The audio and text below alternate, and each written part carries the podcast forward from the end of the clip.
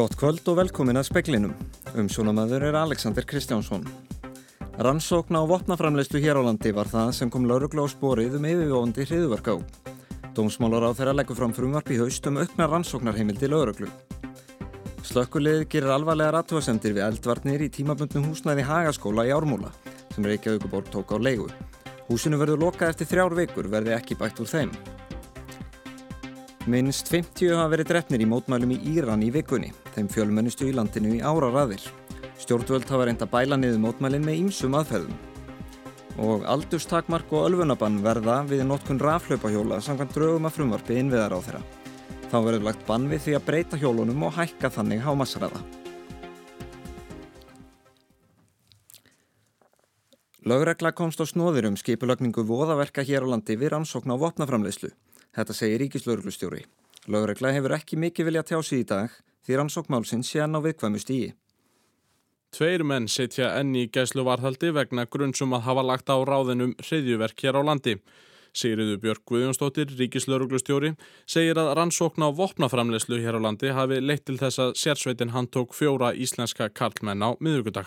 Þetta er rauninni í framhaldi af öðru máli sem tegndist framleyslu á vopnum og kemur rauninni framhaldi af því og síðan hafa verið upplýsingar auðvitað frá því að það var fyrst vart við þrývítaprentu vopn á Íslandi. Þá hefur náttúrulega verið ákveðin rannsókn að vinna í gangi. Þannig að þetta tengist sannsagt allt saman, að þetta leiðir ykkur úr einu máli yfir í annað.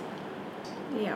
Sigriður Björk segir að samtal hafi staðið yfir milli ennbættis hennar og dómsmálaránundis um rannsóknarheimildir lögreglu. Jón Gunnarsson, dómsmálaráþara, leggur fram frumvarp í haust um að þær verði auknar. Umræðan um heimildi lauruglu hefur staðið yfir í talsverðan tíma og við höfum átt í samtali lauruglan við dómsmálaráðaniti núna í marga mánuði og þá hefur við sérstaklega verið að horfa heimildir sem tengjast hvernig breðast skulle við skiplari brotastarsunni.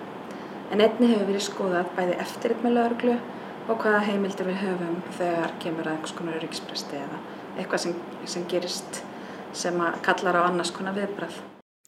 Þarna heyrðist í örði örleikstóttur ræða við Sigriði Björk Guðjónsdóttur. Óttu Þorðarsson tók saman. Nána verður rætt um rannsóknarheimildin örglu síðar í speklinum. Hriðuverkamenn sem hneiast í þjóðverðnis eða hægri öfga beina sjálfnast spjótum sínum af valdstjóninni, segir Eirikur Bergman Einarsson, professor í stjórnmálufræði, sem hefur rannsakað líþykju og populisma í Evrópu.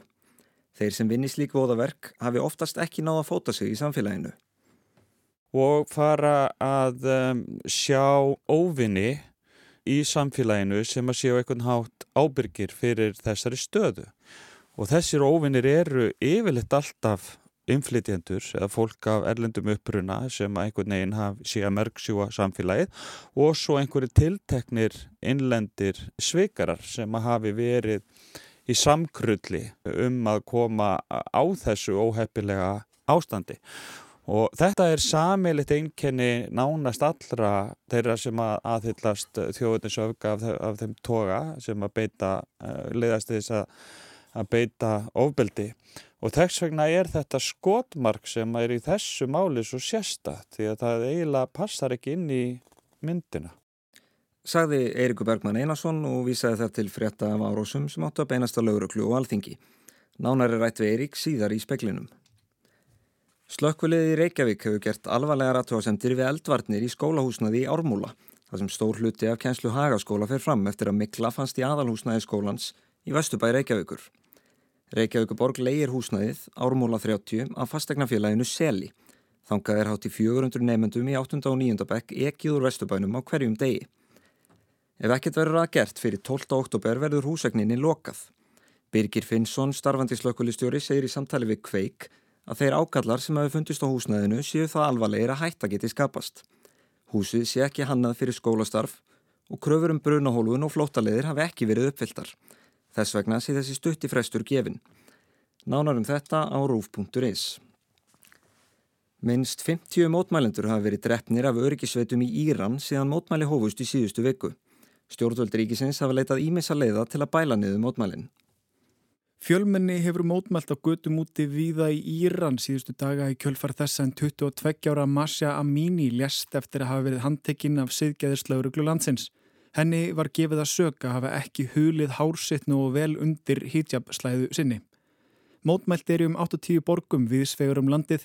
Í gær tilkynnti íranski herin að hart er þið tekið á mótmælendum til að tryggja frið og öryggi í landinu. Samkvæmt mannréttinda samtökunum EHR hafa öryggisveitir drepið minnst 50 mótmælendur. Forseti ríkisins kallaði eftir því á þingi saminuðu þjóðana í New York að gerður verði greinamunur á mótmælendum og skemdarvörgum. Írönsk stjórnvöld hafa einnig reynd að bæla niður mótmælinn með því að skerða internetsamband mótmælenda Aðgangur á Instagram og samskiptaforutinu WhatsApp var skertur til muna, bæði fyrirtækin vinnan á því að veita mótmælendum aðgang að forutunum. Þá hafa verið haldnir gagn mótmælendafundir til stuðnings íhaldsumum reglum um klæðnað og atferðli í landinu. Þeir hafa flestir verið í höfuborginni Terran á vegum íranskra stjórnvalda. Pétur Magnússon sagði frá. Óheimilt verður að fara um á raflaupahjóli ölvaður eða undir áhrifum annara výmöfna nái frumvarpströg innviðar á þeirra fram að ganga. Yngri en 13 ára mega ekki nota raflaupahjól og yngri en 16 ára verður skilt að nota hjálm. Í frumvarpströgunum er búin til nýr flokkur, flokkur smáfarartækja. Rafhlaupahjól tilhera þeim flokki. Leifilegt verður að fara um á rafhlaupahjóli á gödum þar sem hámarsræði er ekki meir en 30 km á klukkustund. Í draugunum er einni lagt til að bannað verða breyta ramas reyðhjólum, smáfarartækjum og léttum beigfjólum og þannig hækka hámarsaða þeirra. Eftir slíka breytingu verða þessi farartæki óheimil í umferð. Börn yngri en 13 ára með ekki stýra rafhlaupahjóli. Börn yngri en 16 ára verða vera með hjálm og bann er lagt við því að vera á rafhlaupahjóli undir áhrifum áfengis eða annara vímuöfna, sangað frumvars draugum. Í greinagerð með frumvaströgunum er bent á að 17% þeirra sem slösuðist alvarlegi umferðin í fyrra hafi verið á rafhlaupahjóli þó svo að umferð slíkra hjóla sé aðeins 1% af allri umferð. Þá hafi ungmenni verið áberendi hópi óvarina sem slösuðist í umferðinni. Allt niður í 8 ára börn hafi þurft að leita á neyðarmótöku landspítala. Ölfun er algeng hjá þeim sem slasast syngt á förstudags- og lögdaskvöldum á rafhlaupahjólum. Sangvat könnun höfðu 40% vegfarenda styrt raflaupahjóli ölfuð að undir áhrifum annara výmöfna, segir í greinagerðinni. Kristín Sigurðardóttir sagði frá. Breski rittöfundurinn Hillary Mantel er látin, 70 aldri. Hún var í hópi virtustu rittöfundabreitlands á þessari öld og vann búkervelunin tvísvarsinnum fyrir sögulega skáldsögu sínar um Thomas Cromwell, embættismann í þjónustu Hinriks áttunda englandskonungs. Sjónvastættinir Wolf Hall voru byggðir á bókunum og síndir á rúf fyrir nokkrum árum. Mandel glimti við endometriósu og barðist fyrir vitundavakningu um sjúkdóminn.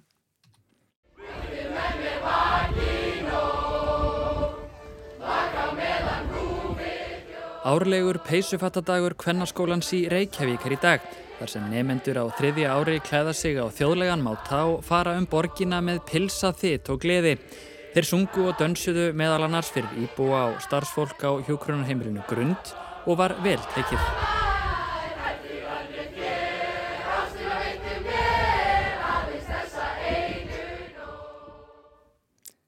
Andri Irkjell Valsson sagði frá. Íslenska undir 21 ánslandsli Karla í fótbolta tapaði í dag fyrir tekkum 2-1 í fyrir umspilsleikleðana um löstsæti í lokakeppni EM á næsta ári. Sævar Alli Magnússon kom Íslandi yfir í leiknum en tjekkar svöruðu með tveimu mörgum. Liðin mætast aftur á þriðudag þá í Tjekklandi og kemst liðið sem skora fleiri mörg í leikjónum tveimur í lokakeppni EM.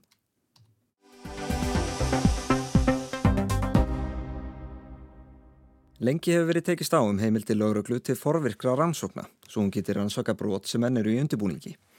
Lauruglan hefur um ára byl talið sér þurfa vittakari heimildi til þess og vísa til baróttu við skipulaða glæpastarsemi.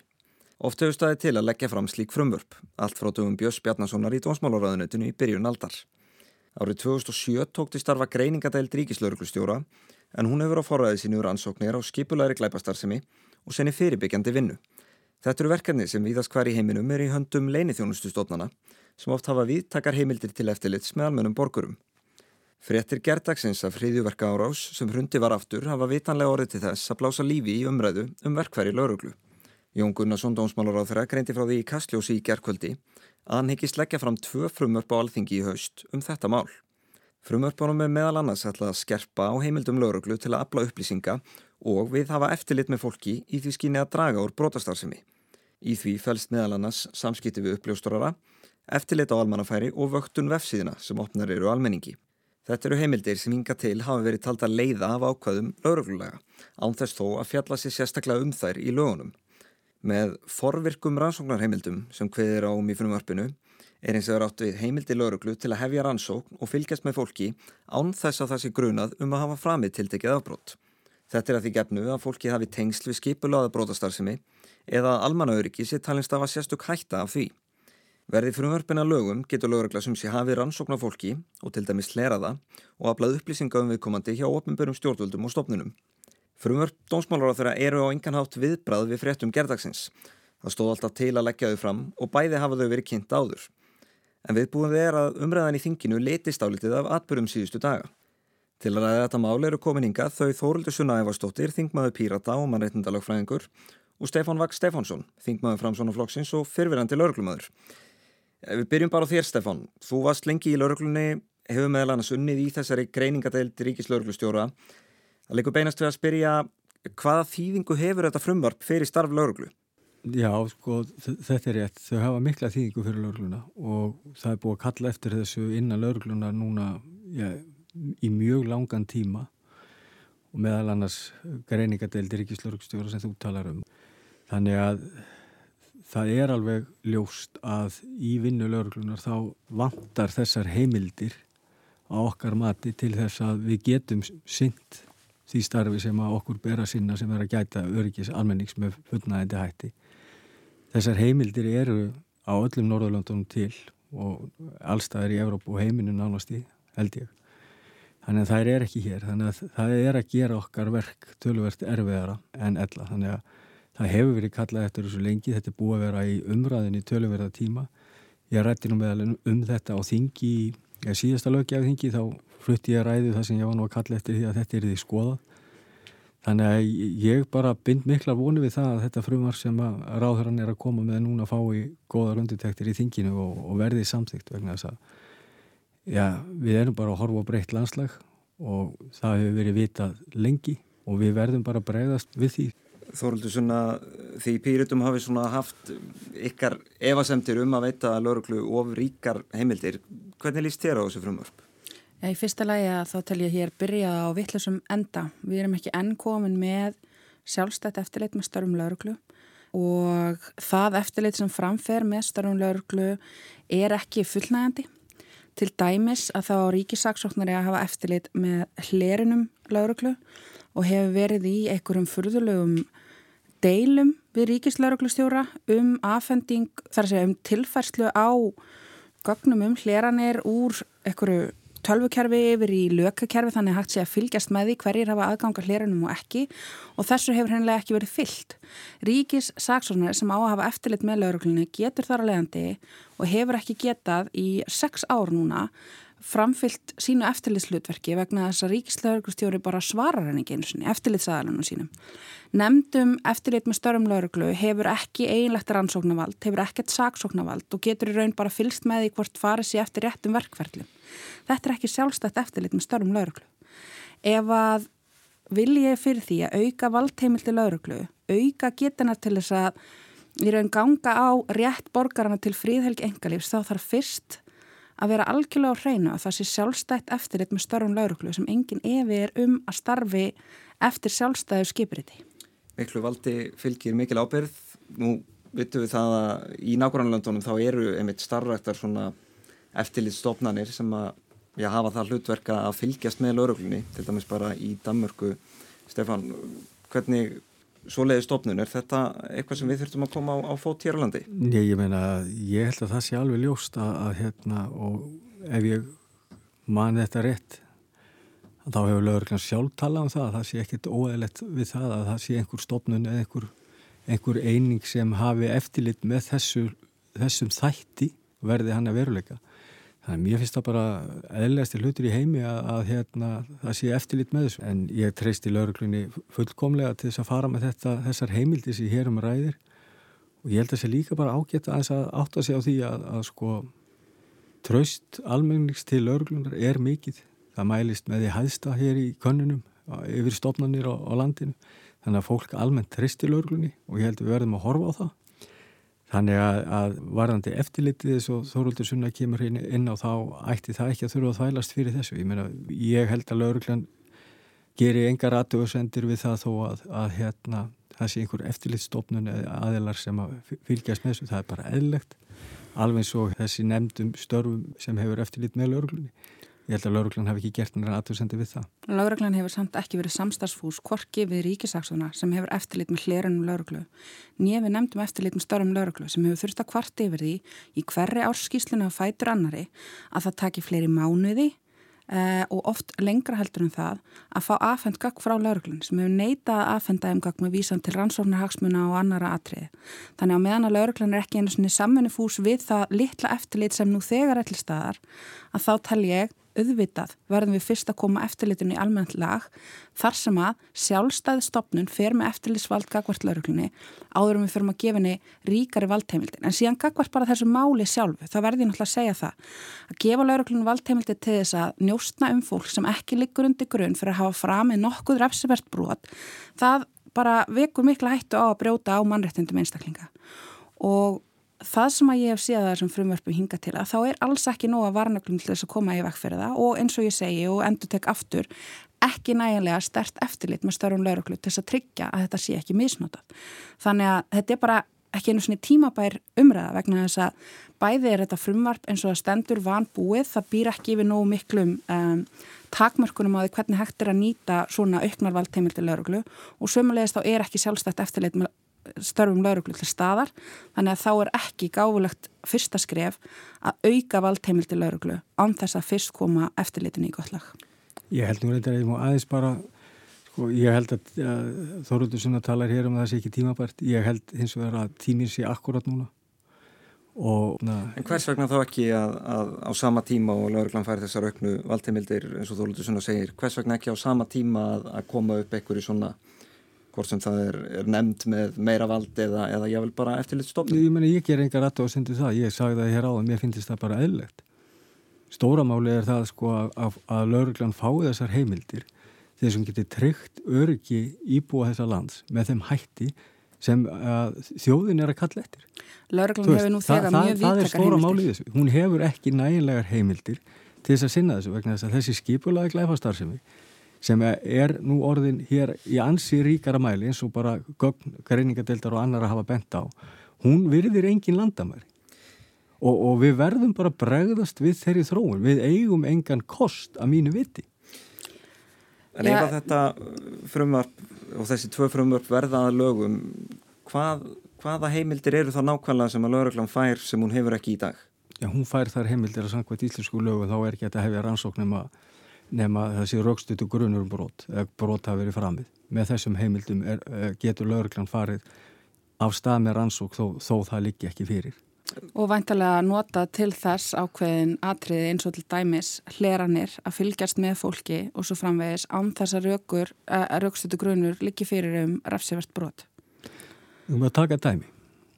Ef það koma hér einstaklingar til Íslands frá Norðurlandunum sem að nákvæmlega þjóður okkar hafa verið að fylgjast með vegna grunn, grunns um hriðverka starfsemi eða aðra skipulega gleipa starfsemi þá höfum við engar heimildi til þess að fylgja þessum einstaklingum eftir hérna.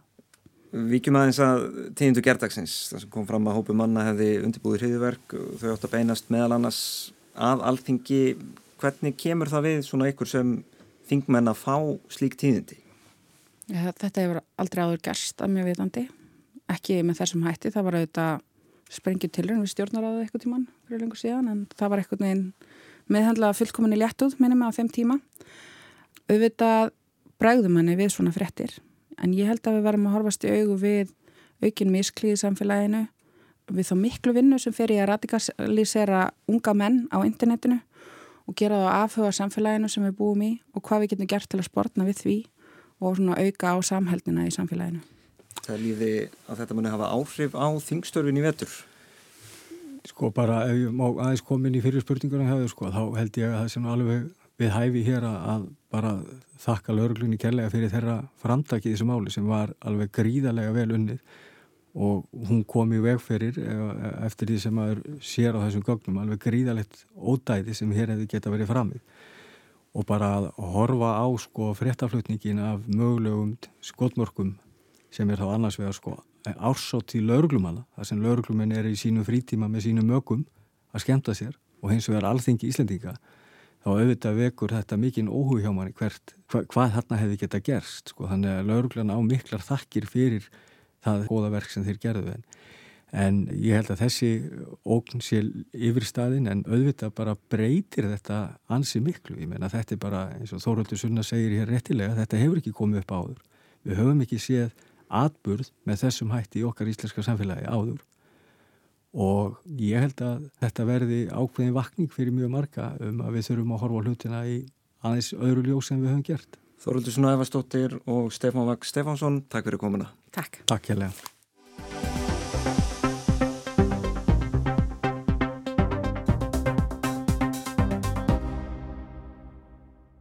rannsaka á hvort að mennirnir sem voru handteknir í gær og grunaður um að skipuleggja hriðverk hafi tengst við norræna öfgahópa og sérstaklega hvort þeir hafi hort til voðaverka Annes Breiviks sem myrti 77 ungmenni í útegi í Norri árið 2011 og sprengdi líka sprengju í stjórnaraðskverfin í Ósló og var þar áttað bana.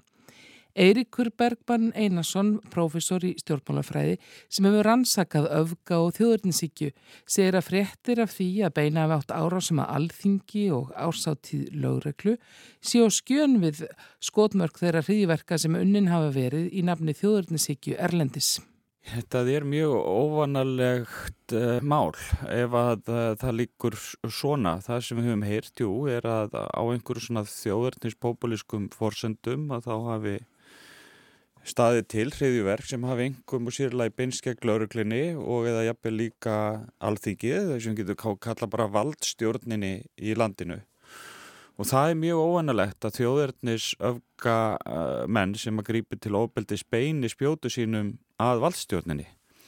Það hefur ekki verið þannig í vestur-Európu við þekkjum þessi dæmi kannski aðeins frá bandaríkjónum og austur-Európu jafnvel en í vestur-Európu þá hef, hafa svona hægri aukamenn þjóðninspopulistar beint spjótu sínum miklu frekar að innflytjendum og þeim sem þeir telja sko verið í liði með innflytjendum. Og það er að leiðandi einhvers konar óvinni þjóðarinnar. Og til dæmis var það það sem að Annes Bering Breivik gerði í Nóri en að slíkir hópar beini spjótum sínum að valdstjórninni gengur eiginlega bara gegn því sem við höfum hefðbundi séð með slíka hópa. Í rauninni þeir öfgahópar sem að með ofbeldi hafa beint spjótu sínum af valdstjórnin eru miklu frekar sko þeir sem að voru hér, á, hér áður fyrir og voru vinstramegin í, í, á rófinu, rauðu herdeldirnar og ýmislegt þestar og síðan er líka annað sem að er óanlegt við þetta sem að er að hriðuverk sem að hafa verið framinn af hægri öfgamönnum hafa yfirleitt verið framinn af þeim sem við getum kallað svona einstaka úlfum það er mjög sjálfgeft að akkurat uh, sko þeir hópar standi í mjög skipulögðum ofbeldisverkum saman. Það er eh, bara ekki algengt og að það kannski þekkist dæmi um slíkt að því að hefur verið einkenni á þjóðverðnis populistum sem beita ofbeldi að það eru einstaka úlvar. Miklu fyrir, það eru íslamistar og, vinstriókarmenn sem hafa skipulassi með þessum hætti. Þannig að við erum að sjá einhver útgáfu hérna á Íslandi, ef að rétt reyni, sem er öðruvísi heldur en annar staðar. En þó að skipulagning voðaverka í hópum sé ekki algeng er þess mörg dæmi að einstaklingar sem kallaðir hafa verið stakir úlvar leiti í hópa og tengsl á netinu. Það er mjög algengt að sko, aðalar sem grípir til voðaverka þessu tægi að þeir sko, tengi svona netverkum, hefur verið þáttakendriðum eins og framvegis en hins vegar hefur skipulægningin á sjálfum ótaðanum yfirleitt verið bara hver fyrir, hver fyrir sig. Það hefur verið svona almenna reglan þarna megin ryggjar í þessu en það er eins og er rétt að á netinu og einhverjum jáðar samfélögum að þá þrýfast uh, svona hópar sem eru nátengdir uh, þvert yfir öll mörg uh, þjóðfélaga og, og á Norðurlandunum eru sterkir svona hópar sem að hafa já, hortni síðu margs í skipulagi uh, þjóðfélagsins og, og eru tilbúin til að beita ofbeldi. En samstarð þeirra hefur yfirlt ekki gengið út á að skipulegja ódæðsverkin það, já, það er bara alls ekki ein, einkenni á, á hægri aukarhefingum. Eirikur segir mikilvægt að skilja að umræðum heimildir lögreglu og óta vegna einstaksmáls.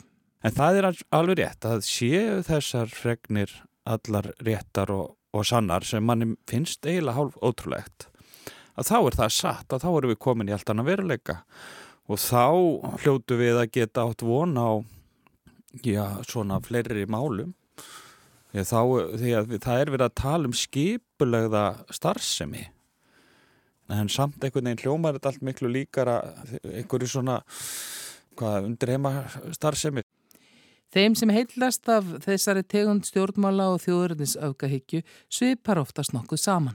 Það er gætnan ungt fólk, einhverjum sérlega karlmenn sem upplifa sig utan gáta í samfélaginu, hafi rekist út á einhvers konar jæðar, fljóti ekki viðukenningu í þjóðfélaginu og hafi svona einhvern veginn setið eftir í þessu svona hraðskreiða farsældar þjóðfélagi sem að Vesturlönd hafa sannarlega verið á að undanförnu, hafa yfirleitt minni fagmentun heldur en gerist og, og gengur hafa ekki fundið kröftum sínum við nám á atvinnumarkaði eins og þeir hefðu kannski óskað eftir og fara að um, sjá óvinni í samfélaginu sem að séu einhvern hátt ábyrgir fyrir þessari stöðu, slæmi stöðu sem að þeir finna sig í.